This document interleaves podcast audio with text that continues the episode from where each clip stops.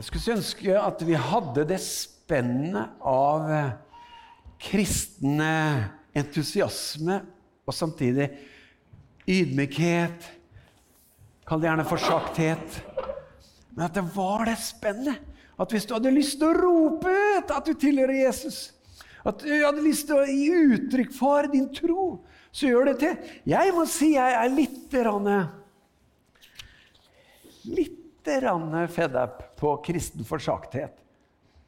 Det ropes, det gis uttrykk, det spilles, det danses, det festes all over. Og så kommer man til kirken! Her sitter dere! Her er vi! Jeg vet ikke hvordan du føler det, men jeg har opplevd mitt livs største under med å bare ganske enkelt begynne å tro på Jesus. Jeg har hatt påvirkning, innflytelse på mitt liv. Og det blir sterkere og sterkere jo eldre jeg blir. Jeg får mer og mer tro fra evangeliet, mens akkurat omgivelsene liksom taler den samme vei. Konflikter. Det raser. Det raser rundt oss, som du ba, Anne Marte. Og som jeg merket det under stunden her også, var liksom ditt hjerte den der, Du er mett, liksom. Om jeg blir mett på dette konfliktfylte, dette menneskehavet der Og så skal vi på hver vår måte få lov å bidra inn der vi er, selvfølgelig. Men da er jeg avhengig av evangeliet. Og liksom den friheten Det er noe egentlig, den friheten her. Jeg vet at vi skal ikke sparke i gang alle personlighetene her, for da kan det bli litt kaos, kanskje. Eller jeg tenker meg om det, jeg tror det blir ganske rolig uansett. Det er liksom, Vi er forskjellige, men vi synger nå at jeg vil rope ut at jeg tilhører ham. Og vet du hva? Under forbedstunden her så kommer Bjørg, som er en av forbederne i dag, og sier at jeg har våkna opp med et ord, og det er det her. Jesus, Den hellige ånd, gi oss et touch av deg. Og hadde en opplevelse av at vi skulle få en touch av Den hellige ånd. Jeg har lyst til å bare bringe det videre her i starten. At du på en måte motiverer deg, du åpner deg, du, du vender deg mot det utsagnet. Vet ikke hva du har tenkt å oppnå å sitte her halvannen tid. Halvannen times tid. Men vet du hva vi er? Kirke. Det er gudstjeneste. Vi tror Den hellige ånd her er. Vi har Hans ord. Vet du hva? Jeg tror det går an å bli berørt. Det sier du hver gang, Rune. Jeg kommer til å si det hver gang. For jeg tror det går an å bli berørt. Ja, men er vi ute etter en sånn følelsesmessig kristen tro? Hvor liksom bare løper fra følelse til følelse? Nei. Men vet du hva? Det er forakt for Gud å neglisjere dine følelser. Du forakter skaperverket. Du lever ikke på dem. Men et liv uten følelser jeg vet, Mange avgjørelser har du ikke tatt på bakgrunn av at du følte. Det er ikke nødvendigvis at det ble feil. Nei, du fikk en Vi snakker om magefølelse. vet du, Det er utenom det åndelige landskapet, kanskje. Men, men noen lever på magefølelsen sin, og de treffer av. Altså, Du er skapt med et helt menneske. Jeg ønsker å bli hel, sang du, Maria. Wow, jeg ønsker å bli hel! I ånd, sjel og kropp. Da trenger vi et nærvær av Gud. Da trenger vi et nærvær av Gud. Men noen ganger er jeg liksom i tvil om jeg skal gyve på dette manuset. Det er litt sånn Gud! Skal vi ta to minutter med Gud, liksom? Med Den hellige ånd? Skal vi bare liksom Jeg bare, I hvert fall har jeg sagt det, at eh, du har muligheten til å vende deg inn i det. Jeg sier ikke at det er et modus, jeg sier ikke at det er, men det er en handling. I noen tilfeller er det en handling. Det er en åpenbart valg i mange tilfeller å si ja, men nå sitter jeg nå her, da. Jeg har jo kommet hit til gudstjeneste. Og hva vil du meg da, Hellige Ånd? Hva vil du meg da, Gud? Hva er det som gjenstår på din plan for mitt liv? Vet du hva? Vi skal fortsette denne søndagen med å markere 20-årsjubileet vårt. Det var første setningen i manus. Så jeg er i gang, hvis du syns du lurer på når jeg skal komme i gang. Og som dere ser, så har jeg tatt med meg den gamle, store bibelen min. Den jeg hadde når 316 eh, ble etablert. Og det er nesten, så jeg er sånn, nesten flau for å vise den, fordi han, han, er, utslitt. Det er Guds ord. Jeg har liksom respekt for Guds ord. Jeg husker en predikant sa Jeg satt siden av en predikant og så la jeg Bibelen på gulvet. Vi satt på en stol sa Å, ta opp den! Må ikke legge Bibelen på, på gulvet. Nå tenker jeg at det er mye trykksverte, det her, da. Men det er, det er Guds ord. og Jeg har den med. Og vet du hva, jeg har ikke den med i dag for nostalgiens skyld. Som 20 år som menighet. Vet du hvorfor jeg har den med? For her er vår historie, og her er vår framtid. I de bladene her. Og det er ikke bare sånn at det, ja, Guds ord generelt er sånn for alle typer fellesskap. Hvis ikke du er tufta på Guds ord, så er man egentlig ikke kirke. Det kunne jeg godt tatt utgangspunkt i, men det er ikke bare derfor jeg har den med. Men det er noen skriftsteder, noen avsnitt, som står i en helt annen kontekst, men som allikevel lyste opp, og Den hellige ånd virket fram en tro på å bygge en menighet, en fellesskap, som vi har kalt 316. Og jeg skal ta for meg noe av det her i dag. Fordi at det, det var så retningsgivende den gang. Og jeg Det er jo jeg som har den forrett eller det kjempemessige ansvaret og den byrden. Kall det du, Jeg vet ikke hva du tenker om den som forkynner, men jeg vil heller kalle det en byrde om å holde oppe den retningen som Gud talte om. For det var ikke bare at vi ønsket mer lys på en scene eller være fiks og kule. og noe. Det var en tydelig markering fra Den hellige ånd. Vi ble så berørt av Den hellige ånd. Og Det er en lang forhistorie før jeg går rett inn her, som jeg ikke har tid til. Jeg tenkte jeg skulle klare å ta en historie til å starte på 3.16 i løpet av den prekenen. Jeg fant ut at jeg trenger jo tre søndager. Så jeg må bare gå rett inn i kjerna. Nå er det jo alltid sånn at Man må passe seg for store ord når man skal jubilere. Det er ofte sånn at man kan komme ut av eh, sine proporsjoner. når Man skal se tilbake og feire. Og det er en fare også for å forherlige historien. Men samtidig er det så viktig å ikke miste momentumet. Hva var det Den hellige ånd sa? Hva var det som førte til at vi tok disse dramatiske valgene? Å etablere. Jeg hadde aldri tenkt at jeg skulle etablere og stå i noen menighetssammenheng sånn. Jeg vokste opp i Filadelfia i pinsemeten, har så mye å takke for. Jeg har sittet under så mange prekener, kanskje 6000-7000 prekener, opplevde jeg bare mens jeg satt der som barn og ung. Og jeg er så takknemlig til de menneskene, de vennlige menneskene, de kjærlighetsfulle menneskene. Alt de ga oss alt det var med og forma mitt liv, så handlet det ikke om liksom å bryte ut og finne på noe annet. På ingen måte. Det handlet ikke om jeg må bli trodd på det. Men det var bare det at Den hellige ånd talte om noe. Og jeg vet at vi som var med i oppstarten Det er snart bare Tone og Eivind og jeg som satt i lederskap den gangen.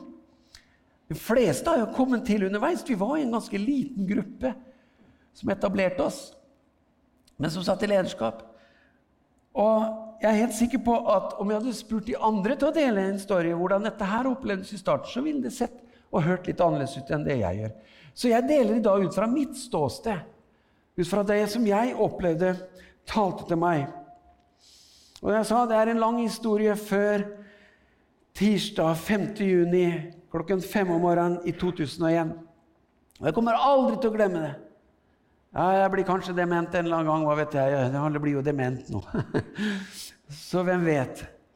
Men i min ånd kommer jeg aldri til å glemme det. Jeg er et klassisk B-menneske. Jeg sover tyngst mellom fem og åtte. Kanskje halv ni òg.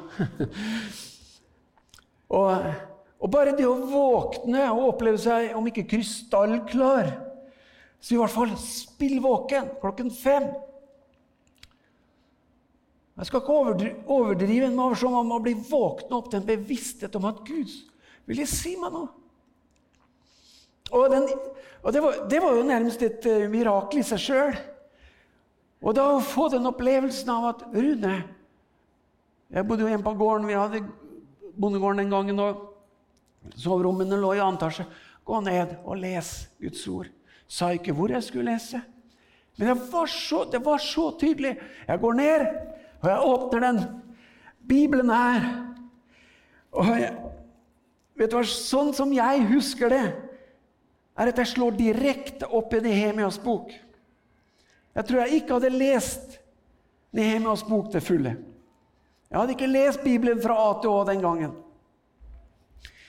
Det var på side 494 i den. Jeg åpner, og jeg starter å lese fra vers 1 i kapittel 1. Og Den hellige ånd taler. Ja, men hallo, det er Nehemias. Altså, det er en helt annen kontekst. Det er det som er så spesielt. Jeg håper du er litt familiær med hvordan Gud kan tale til deg. Hvordan du kan oppleve eh, at Guds ord blir noe mer enn bare, bare ord. Bare historier. Bare referat fra noen annens virkelighet. Jeg håper du har en opplevelse av at, at Guds ord kan bli noe fresh, noe som bygger din tro. Det har med Den hellige ånd å gjøre. Men jeg, jeg opplevde så tydelig at Den hellige ånd talte, og kort fortalt da, for at du skal være med. Jeg tror, akkurat som på lik linje med meg, så var det få som kjenner til historien om Nehemias, tror jeg. Jeg skal ikke undervurdere deres bibelkunnskap, men jeg skal fortelle veldig kort. Nehemias han var ved hoffet til kongen av Persia på den tiden. Han fikk besøk fra venner i Jerusalem som kom og fortalte at jødene led nød. Det hadde gått 90 år siden de hadde blitt tatt til fange i Babylon, og de var på vei. Noen hadde utvandra igjen og reist tilbake til Jerusalem. Og ruiner all over. Var, muren var nedrevet, og de led stort. Og det tok Nehema så kraftig at han begynte å gråte, og han gikk i bønn og faste for sitt folk. Han hadde jo kjempebra. Han var det man kalte munnskjenk. altså Han testet ut maten for kongen. Så var det sånn at Hvis noen ville forgifte kongen, så tenkte kongen at jeg ber at noen smaker på det først. Så vil jeg sjekke om han lever, og da, da er det sannsynligvis noe jeg tåler òg. Så han hadde en veldig høy posisjon hos kongen i Persia. Men han får til slutt tillatelse til å reise tilbake til Jerusalem og bygge opp igjen ruinene, bygge opp igjen muren og egentlig gjenreise byen og folket. Og så kan du jo tenke hva i all verden har denne 2004 år gamle historien med 316 å gjøre? Og hva var det som berørte meg i den historien? Og La meg oppsummere, for det kan ta tid. Jeg har et vers som kom på skjermen der, som er et avbilde av et bilde jeg tok av, av Bibelen min i går. For det, det var når jeg kom til kapittel 2, og det er vers 17. Da har Nehemias vært på befaring i Jerusalem. Han har analysert forholdene der. Og Hans budskap medlem, medhjelperne er det her. Dere ser hvor dårlig det står til hos oss. Jerusalem Jeg klarer ikke å lese den uten å bli berørt. For deg så ser jeg Hva er det her, liksom? Hvorfor streker hun akkurat det? Jerusalem, liksom? Hallo, det er bråk nok om ikke du skal minne meg om det. I dag. Jerusalem ligger i ruiner, porten er brent. Kom! La oss bygge opp igjen Jerusalems mur, så vi ikke lenger blir til spott og spe. Hva kunne Helligånd få ut av det? Du skal få høre. Du skal få høre. Det er ganske, det er ganske kraftfullt. Det var som om Den hellige ånd sa helt tydelig Jeg ønsker å gjenreise Jeg må lese det. Hengivenheten til evangeliet i den enkeltes liv, og at vi som forsamling og menighet skal få se mer av fullheten i evangeliet. Istedenfor å være til spott og spe for omverdenen, så ønsket Gud å møte oss. Evangeliet og Den hellige ånd fikk prege våre personlige liv og menigheten enda mer, og dermed få større betydning for enkeltmennesker, byen og samfunnet rundt oss. Det var det helt tydelig svaret han sa. Og det berørte meg så kraftig at det satte seg i ånd, sjel og kropp. Jeg hadde en opplevelse at det var i ni dager så rent fysisk. Det brant herfra ut. Merkelig opplevelse. Jeg sier ikke det her for liksom å, havne på noe pilestall. nå. vet du hva? Jeg kommer til å ende opp til å si vi er ufullkomne mennesker på veien om livet, og vi må hjelpe hverandre. Og jeg lurte på skal jeg komme opp der, og så skal jeg preke liksom et budskap. Og så skal jeg ikke ta virkeligheten innom av hva som skjer i forsamlingen vår, hva som skjer i ditt liv, hva som skjer i verden. Jeg skulle kanskje stått der og prekt om noe helt annet. Vi trenger å ta vare på hverandre. Vi trenger å hjelpe hverandre. Livet er ikke enkelt. Ja, jeg, livet, jeg, jeg svever på livets boble, sier jeg. Ja, men så bra. Be Gud om å bevare deg i strømmen av hva Gud har for deg. Men jeg er overbevist om Jeg tror jeg er et sånt gjennomsnittsmenneske. Jeg er overbevist om at det kommer tanker. Du vet, Når jeg sier at Jesus er livet, så kommer det syv andre tanker som sier at ja, det er mange som syns gitarspill er livet, som syns festing er livet. Altså, Jeg kan bombanderes av tanker som er helt naturlige. Hvorfor har du svaret, liksom? Vet du hva? Jeg tror vi kan bli forvirra av så mangt, så vi trenger å sette fokus på at Jesus er her. Jesus kan berøre oss. Den hellige ånd skal hjelpe oss til å leve én dag gangen, i fellesskap, i omsorg for hverandre. Jeg håper det. Det gir litt mening for deg, og så får du sette ord på det hvis de for din egen del hvis syns det her var fattigslig. Men jeg må bare ta det med dere. Vi var den gang leder i pinsemenigheten i Philadelphia, en herlig menighet, som jeg har sagt. Og vi hadde en helt reell opplevelse, vi som var i lederskapet den gangen, av at både evangeliet og menighetens innflytelse på omverdenen var ganske ubetydelig. Det handlet om en 70-80-90 mennesker som kom til gudstjeneste. Og that's it. Selvfølgelig, Vi hadde hatt perioder hvor det var sterke vekkelser, hvor hele familien kom til å tro. Men i den fasen her så var det som om Gud sa ja, men det er vel ikke noe mer, det er noe mer, Rune. Det er noe mer. Og, og Jeg husker bl.a. at Eivind i det momentet han ble ansatt som daglig leder og skulle ringe Jeg tror det var til en offentlig instans i byen hvor han skulle eh, spørre om et eller annet. Og han presenterte seg som daglig leder i Philadelphia, hvor personen i den andre enden lurte på om det hadde noe med den osten å gjøre. uh, nei, altså, kjenner du ikke til pinsemenigheten i Aptesgaten 2, liksom? Jeg lurte på hvem er du? Så sa han liksom litt om at det var ikke akkurat på alles lepper. og det at man som menighet ikke preget byen, det var vi slett ikke alene om. Og vet du hva? Det var vi som var lederskap, det er vi som var ansvarlig. Det er ikke et stikk til noen. Det var jo vi som ledet menigheten den gangen. Men det hadde vokst fram en person for noe mer. Derfor så var det jo ganske spesielt når vi etter oppstarten av 316 ble til de grader satt på kart i form av ungdomsklubben, Barnas eliteserieklubb osv. Mange av dere var her på gallamiddagen forrige lørdag hvor Lars Dale hadde med denne permen av utklipp i avisene. Vi var faktisk på manges lepper, det må jeg bare si. Og den responsen og omfanget som det fikk, ble på en måte en bekreftelse på at Gud tok oss på alvor når vi ønsket å gjøre evangeliet tilgjengelig. Jeg vil, jeg vil si det kanskje mer det var det enn at det liksom det var, For meg var det i hvert fall det. Og vi snakket om det. Er det virkelig sånn at Gud har så, er så lyst til å stemple noen som vil gå ut og gjøre en forandring? Vil han ta oss virkelig så sterkt på alvor?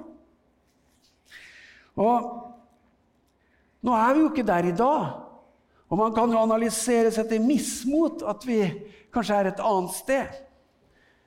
Men jeg skal være oppriktig med dere i dag. Jeg tror at det vi opplevde i oppstarten, ikke var den viktigste indikatoren for hva Gud ønsket for 316. Det var faktisk ikke det Gud målte det i. At vi fikk et sånt gjennomslag i nærmiljøet. Og jeg håper ikke at det er sånn at jeg har underkommunisert, underkommunisert det jeg vil kalle det viktigste av hva Den hellige ånd talte til oss om. Og spesielt kanskje også meg gjennom Nehemia den morgenen. Det kan være at jeg skal ta på meg ansvar for det.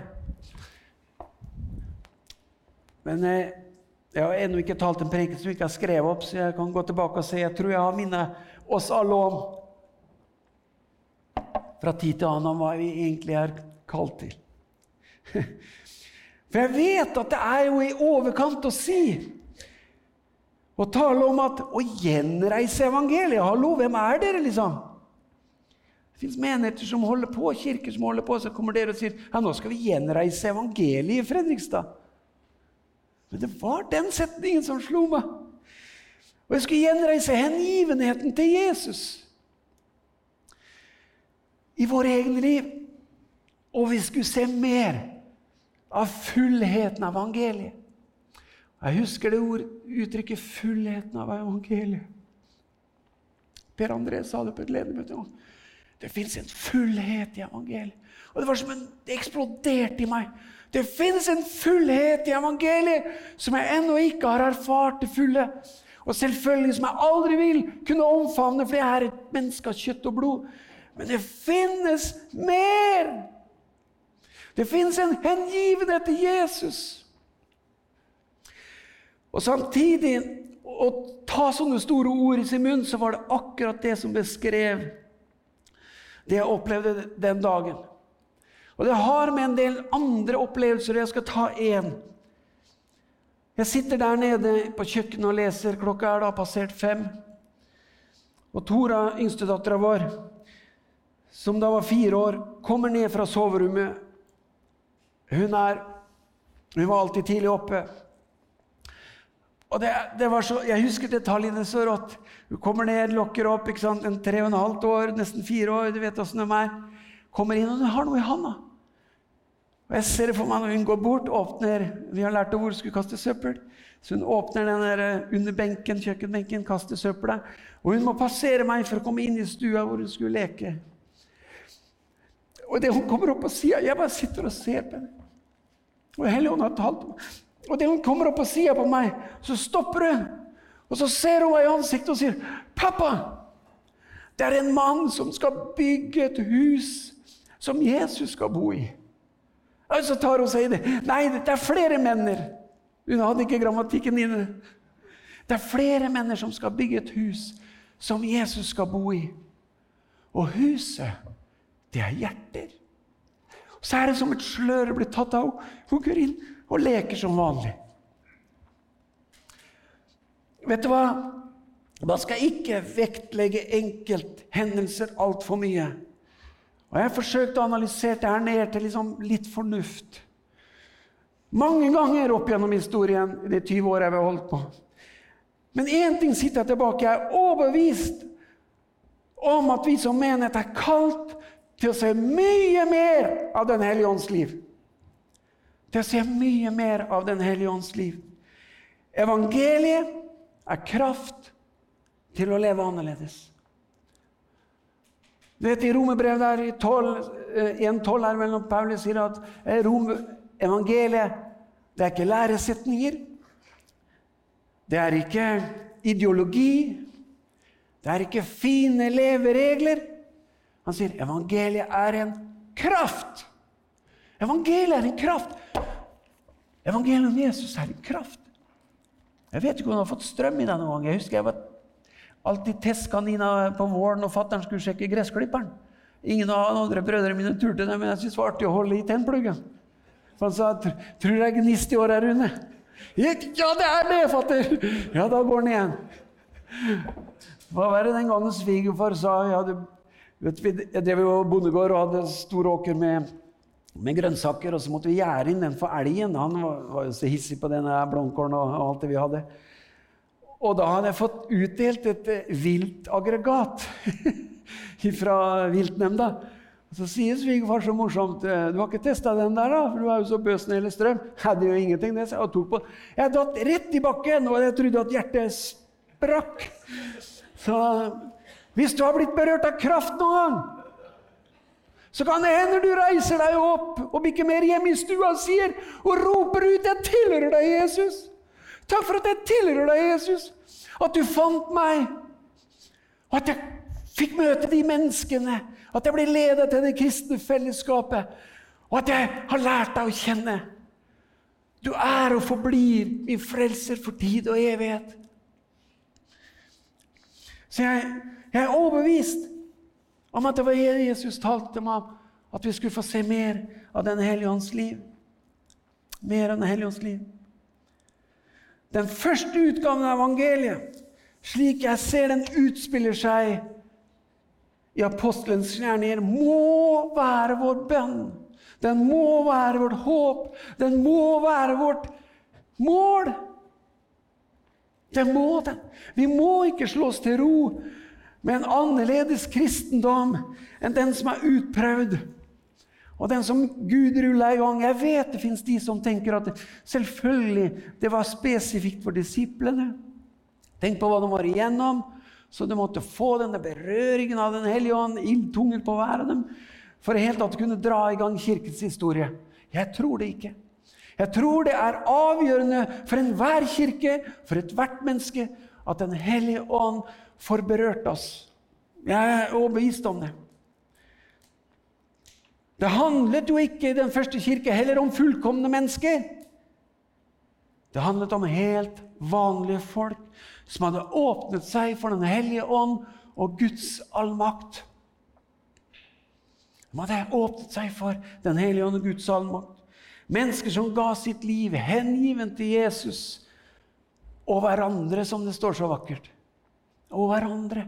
Fellesskapet. Jeg tror på et nivå av overgivelse og etterfølgelse som selvfølgelig vil se annerledes ut fra person til person fordi vi er ulike.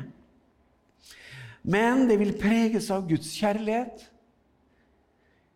Det vil preges av hengivenhet til Jesus, hengivenhet til Guds ord, til Den hellige ånds kraft og Den hellige ånds frukt og Den hellige ånds nådegaver. Det tror jeg. Vi har jo sagt at Guds nærvær er det viktigste i 316. Det vet Vi vi satt jo ned og formulerte litt, og mange av de tingene her var liksom ikke sånn liksom, hva er klokt å skrive. Nei, det var erfart. Altså, hvis vi, er, hvis vi er gudstjeneste uten Guds nærvær, så kan man jo si at han er oss nær i ord og bønnen, som han sier ofte. Ja, det er han. Bare ved, å lese Guds ord så er på en måte Den hellige ånd til stede. Men la meg ta deg med da, til 1. Korinterbrev 14, som på en måte er min mal for forkynnelsen, som også var en sånn milepæl for meg når Den hellige ånd talte. Hva er din oppgave, Rune, er 1. Korinterbrev 14? Og jeg kan tro jeg er interessert i hva som sto. Og og der står det jo følgende at vi skal tale profetisk, for da vil utenforstående komme, som kommer inn, kaste seg med ansiktet mot jorden, tilbe Gud og bekjenne Gud er sannelig blant dere. Altså det, det merkes at det er Guds nærvær når dere har gudstjeneste. Sånn bør det jo være i enhver kirke. Det vil merkes at Gud er til stede. Og hvis Gud er til stede Jeg pleier å si hvis han er noe til Gud, så er det noe langt utover bare at vi har fin musikk, eller at du har velformulerte taler, eller at vi er vennlige akkurat i øyeblikket hvor vi treffes, og vi har tatt på oss masken og vi har kledd oss pent. Hvis, er, hvis han er til stede, og han er noe til Gud, så må det være noe mer. Så må det være noe mer. Men det er det som er så fint, at i samme kapittel så definerer Paulus det å tale profetisk. Han sier det er å tale for mennesker til oppbyggelse, formaning og trøst. Du vet, Evangeliet er og blir gode nyheter. Ingenting har løftet mer enn å se seg tilgitt, kan stå innfor Gud uten skam og fordømmelse. Du må nok dit for å ha skjønt det. Men har du først opplevd det, opplevd det som Bibelen kaller faktisk å bli født på nytt. Bibelen er rå på metaforer, og jeg tror faktisk det er mer enn det også. Jeg tror det er noe vi kan erfare. En opplevelse av at noe har blitt helt nytt. Noe er annerledes. Jeg holder ikke på bare i egen kraft. Jeg strever ikke bare med egne evner. Man kan legge seg ned og sette på lovsangen og opplever at det er løft i det, selv om man ikke finner orda. Jeg tror det er ingenting som kan løfte og oppmuntre et menneske mer å vite seg elsket av selve Skaperen for tid og evighet. Eller som han sier i Den brukes vel ikke lenger i norske kirker. Landslagsrevidert. Den står salmen 'Ren og rettferdig, himmelen verdig'. Er jeg alt nu? Det å oppleve det Jeg vender alltid tilbake til Tvedt Spurgeon, tror jeg det var, en av de store vekkelsespredikantene på 1800-tallet. Han sa han lå ved dødsleiet. Min teologi. Han hadde sett tusener på tusener komme til tro. Han hadde sett mirakel og tegn og under. Så sier han min teologi har skrumpet inn til disse ordene. Han døde for meg. Han døde for meg. For den som ikke har opplevd det, så vil det være, høres kanskje rart ut. Men det er mulig å oppleve. Det er det du er kalt til. Hvorfor skal du bli en kristen? Jeg har tenkt mye på det. Hva skal jeg svare når noen sier hvorfor skal jeg bli en kristen? Først og fremst for det er det du er skapt til. Du er skapt til å ha en relasjon med din skaper. Så kan man sikkert bli en lang diskusjon etter det, men det er en bra innfallsvinkel. Du er skapt til relasjon med Gud.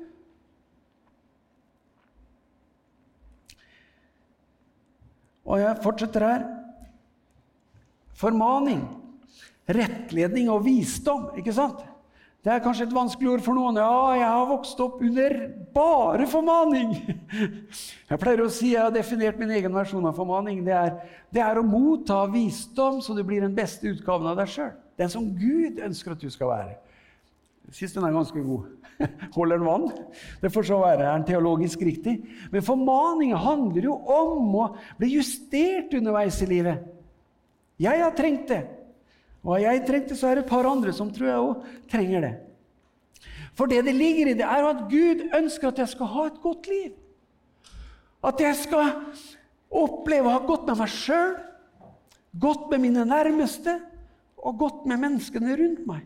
Paulus sier 'hold fred med alle', om det er mulig, så langt det står til dere.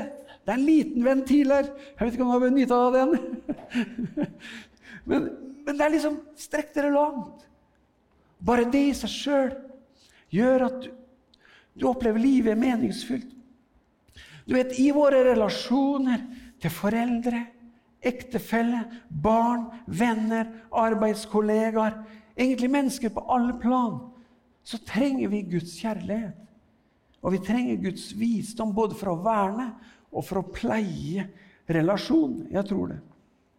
Vi skal være et fellesskap av trøst. For i det her, det er Guds nærvær. Når det her oppleves, da er Gud til stede. Du vet, Vi sparker ingen som ligger nede. Det er mange som sier det. Men jeg mener det. Som kristen kan vi ikke sparke de som ligger nede. Og jeg tror på vennlige, kjærlighetsfulle ord. Men hør nå. Jeg tror også det er mulig å oppleve Guds kraft og Den hellige ånds berøring, sånn at han kan løfte hvem som helst opp igjen. Det er jo det som er Kirkens forse. Det er mer enn psykologi. Det er mer enn å forstå seg i hjel, det er mer enn å stryke mennesker på ryggen. Det fins en kraft i evangeliet. Det fins et kraftig et gudsnærvær som gjør at du kan sitte her, du kan komme hit, du kan ha det du kjenner, og det er din omstendighet. Jeg snakker ikke den, jeg latterliggjør den ikke. Jeg håper du skjønner det. Jeg har omstendigheter, jeg kommer til å få det, så det er bare å, det er bare å innse det. Men midt i det så kan du allikevel oppleve fordi Gud er her. Fordi det er et nærvær, fordi det fins et liv i Den hellige ånd, og fordi du har koblet på en større kraft enn dine egne ressurser, din utdannelse, din beskaffenhet og hva det nå er. Vi har ulike personligheter. Noen er sterke, noen er svake. Det fins en kraft. Og jeg sier når vi kommer sammen og gudstjeneste, skal det her det her er indikatoren. Der kan vi samle 1200 en lørdags. Vi heier på det, og vi takker Gud for det. Og Gud gir oss muligheten igjen, så absolutt, det handler ikke om det. Men det er det her som er kjernen. Den enkeltes liv berørt av Den hellige ånd. Berørt av Den hellige ånd. Vi er like avhengig av Den hellige ånd som de første kristne for å se evangeliet i sin fullhet. Paulus skriver til menigheten i Korint. Han sier det her, 1. Korinterbrev 2, 4-5.: Jeg forkynte ikke mitt budskap med overtalende visdomsord, men med kraft som bevis For deres tro skulle ikke bygge på menneskelig visdom, men på Guds kraft. Kommer det igjen? Det finnes noe annet enn hva vi kan hoste opp av egne evner. Jeg pleier å si at når vi starta 316, så stakk ikke vi hodene sammen og liksom summerte opp all, all erfaring, all intelligens, alle smarte ting å gjøre. Nei, Gud slo oss i bakken! Slo oss i bakken og faktisk fylte oss med Den hellige ånd og sa jeg har en annerledes vei. Jeg har en kjærlighetens vei fylt av Gud, fylt av Guds ånd. Og du skjønner, Det står her, og kan, vi kan kanskje definere hva er Guds kraft. Hva var kraft som bevis? Vet du hva? Jeg tror vi altfor ofte plasserer Guds kraft i båsen det karismatiske. Vi plasserer Guds kraft altfor ofte i den boksen det karismatiske, det eksentriske, det voldsomme, det uberegnelige. Men Den hellige ånd hør nå, det her må du huske. Den hellige ånd kjennetegnes først og fremst på at den som berøres av Han, blir ledet til Guds ord. Han blir ledet til Guds ord.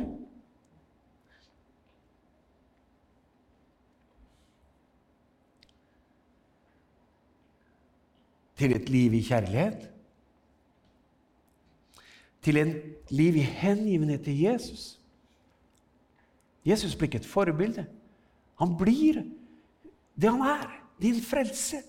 Guds egen sønn. Han leder til kraft til å leve rett og sant. Bibelen kaller det helliggjørelse. Det, det ville være trist om ikke er et annet sted i dag enn da jeg var som barn.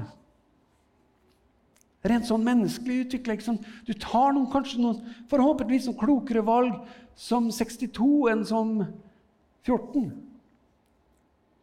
Og Det er det samme i Guds rike. Du har levd med Jesus, og du har begynt å gjenkjenne alle angrep. Du har gjenkjent den ondes fiendtlige angrep, og du posisjonerer deg litt annerledes. Marius sa en gang husk bare du må posisjonere deg for flaks. det er ikke en guddommelig tanke. Du må posisjonere deg for Den hellige ånd! Du må posisjonere deg så du drar av Guds ånd. Det er nerva i, i 3.16. Den hellige ånd er overnaturlig. Husk det. Og den kan derfor virke nettopp fram i oss det vi ikke trodde var mulig. Og Det er det vi er samla om 1. Rundt 16. Og vet du hva? Da kan vi ta byen. Altså, det hørtes voldsomt ut. Jeg liker ikke å ta noen. ja, men da kan vi ha god innflytelse på mennesker. Da kan vi se folk kommer til tro. Det er hvis jeg har blitt berørt av Den hellige ånd, for han leder meg hit. Han leder til kjærlighetens frukt. Har du lest Åndens frukt? Vet, Vi setter i en karismatikerboksen, og vi, vi, roper og vi faller og vi holder på. Jeg har vært gjennom hele det, og jeg vil gjerne ha det igjen. Det er en god stund siden. Sånn i det offentlige rom, kanskje, men, men jeg opplever det fra tid til annen når jeg er alene med Herren. Og det holder. Vi skal ikke søke det spektakulære på noen måte, men om det skulle være at du kjenner du må ta et steg ut i tro, så la det gå. For Gud har noe for deg. Gud vil deg noe. Men vi dyrker ikke det spektakulære. Vi vet hva Den hellige ånd ønsker med oss. Vet du hva, jeg gir, aldri, jeg gir aldri opp det jeg opplevde Den hellige ånd talte til meg om den morgenen jeg leste Nehemia. Jeg tror fremtiden i 316 vil avgjøres om vi omfavner Den hellige ånd enda sterkere i våre personlige liv og ikke bare som et sånt fenomen i gudstjenesten som jeg er inne på her, at det skal liksom skje så mye og sånn. Men det hører med.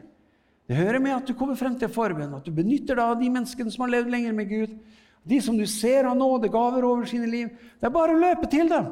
Det er noe av det vakreste som fins. Jeg forstår egentlig ikke at kristenheten er så reservert i å kaste sammen hals på hverandre og be sammen og legge hendene på meg. Vet du hva? Det er de håndspåleggelse jeg har sagt det kanskje helt siden jeg starta at jeg skal ha en preken om det. Jeg har ikke fått tatt den.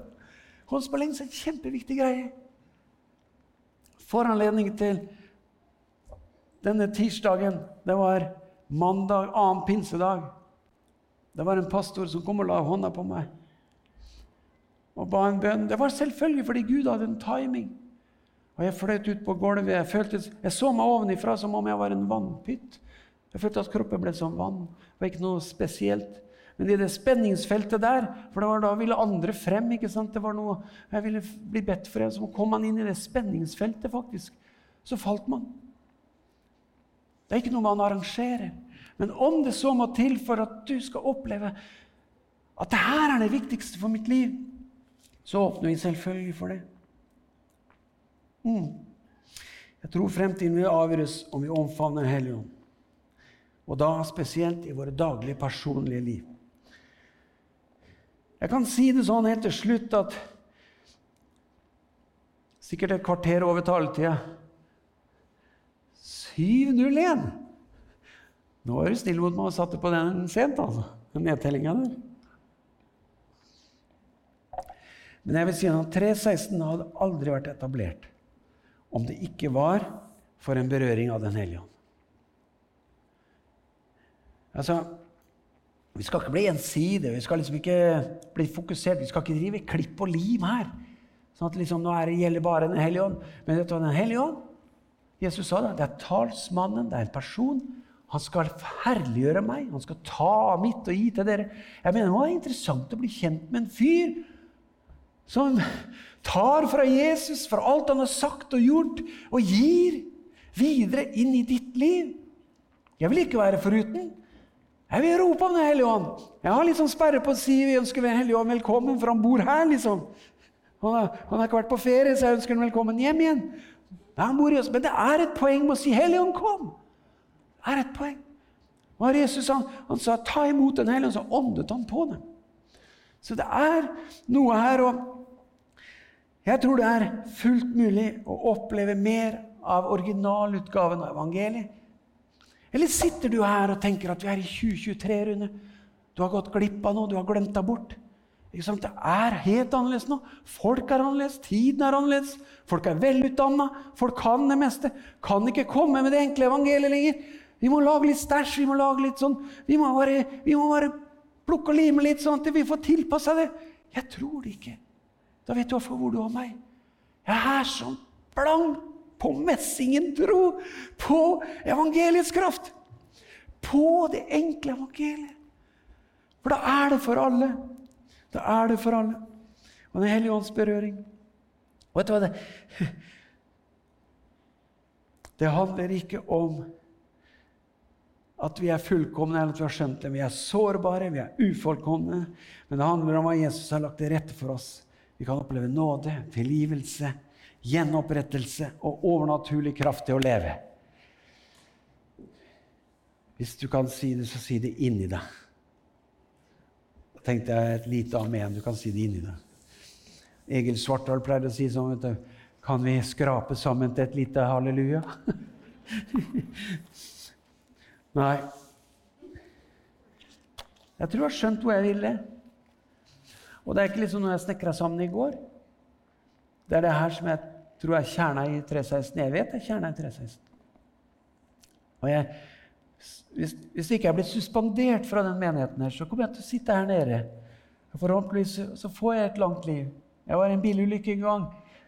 Og Rakel fikk et ord momentant, for jeg lå på intensiven og i koma og litt av hvert. Og fikk et skriftsted fra salmene. Hva het det? Et langt liv jeg er mett av. Det er store ord. 62 det er langt, altså. kan ikke du komme opp, Maria, med dine disipler? Og vet du hva? Ja, vi tjener Gud. Du vet hva, Vi blir så naturlige når, når vi havner i kafeen og vi tar fram kaffen og donutsen og sånn. Men jeg, jeg drømmer om en sånn hvor vi liksom tar det ned, sånn, sånn i gudstjenesten òg. Hvor du legger hånda rundt den som sitter ved siden av. Selvfølgelig ikke, ikke fordi du er forelska i henne, eller noe sånt, nødvendigvis, men, men, fordi du bare vet Gjerne det òg, Sigmund. Nei, men altså, vi vil hverandre jo det beste. Og livet er for kort til ikke å omfavne hverandre i kjærlighet, be for hverandre, bry oss om hverandre, ha omsorg for hverandre. Og elske frem Guds kraft i våre liv. Ja, vet du hva, har du det vanskelig? Og ikke sånn kjempevanskelig, snakk ikke om det, men har du noe som gnager? Er det et eller annet som har begynt? Du bare vet at det her, når det her får fullendt, så er jeg et annet sted. Jeg er ikke på track med Jesus. Når det her får gått i mål, så har jeg distansert meg fra kanskje mennesker rundt meg. Jeg har distansert meg fra fellesskapet. Og verst av alt, jeg har sannsynligvis også dis distansert meg fra Jesus, fra Den hellige ånds nærvær i mitt liv. Og du vet, Alle predikanter kan jo alltids få noen fram. Jeg vil bli trodd på det her. Sitt der du sitter, men gi Den hellige ånd rom i ditt liv. For du skal være hos Jesus. Du har ment å være hos Jesus. Du har ment å oppleve hans kjærlighet og omsorgen i ditt liv. For alltid. Pappa døde for halvannet år siden. Han var 23 år når han opplevde at Jesus kom inn i livet hans. Han var på vei inn i alkoholisme. Jeg fortalte jo så mange ganger før. Og han visste med seg sjøl, for hele slekta var belasta. Han visste at hvis ikke jeg tar imot Jesus, så kommer mitt liv, mitt ekteskap og alt det her til å rakne. Han tok imot Jesus. Han lå på dødsleiet, og han spurte meg Jeg vet liksom ikke, Rune, hva, hva skjer når jeg dør nå? Jeg er liksom så usikker på om Er det noe der rett et, etter at jeg er borte. Så kom vi der. Han døde halv fem første nyttårsdag i fjor. Og så hadde han skrevet på veggen med blyant 'Jeg gleder meg'. Da hadde, da hadde han skjønt Nei, jeg velger glede. Jeg velger å se Jesus igjen. Jeg velger å glede meg over at det fins en evighet hvor jeg skal være sammen. Jeg gleder meg. Det var hans siste hilsen til oss. Jeg gleder meg. Vet du hva, jeg har lyst til å leve lenge. Men vet du hva, jeg, jeg skulle så gjerne være sammen med dere. Jeg tror vi skal være sammen i himmelen. Så kan vi bestemme oss for det, dere, at vi kjemper for Jesus, vi kjemper for våre liv, vi kjemper for våre venner, vi kjemper for hverandre. Jesus, takk for at du Du vet hvem vi er. Og Jesus, jeg vil at du skal ta over og virke, Jesus. Jeg har ingen agenda med tanke på spill og manipulere på noen følelser eller noe som helst. Men det her er mitt liv, Jesus, du vet det. Og jeg vet du har berørt millioner over hele verden. Litt etter samme mønsteret, nemlig at du har blitt deres frelser. Du har blitt deres endelige. Det som virkelig bærer. Det som virkelig er der når alt er mørkt. Så Jesus, jeg bare inviterer hele guddommen inn i disse minuttene vi har igjen her, og for så vidt inn i hele vår framtid som menighet. Men kom til oss, Jesus. Berør oss. Tal til oss. Ta oss videre. Vi gir oss over til deg i dag, Jesus. Vi gjør som Maria sang. Vi velger å tenke at det kommer en ny tid. I Jesu Kristi Nazarerens navn.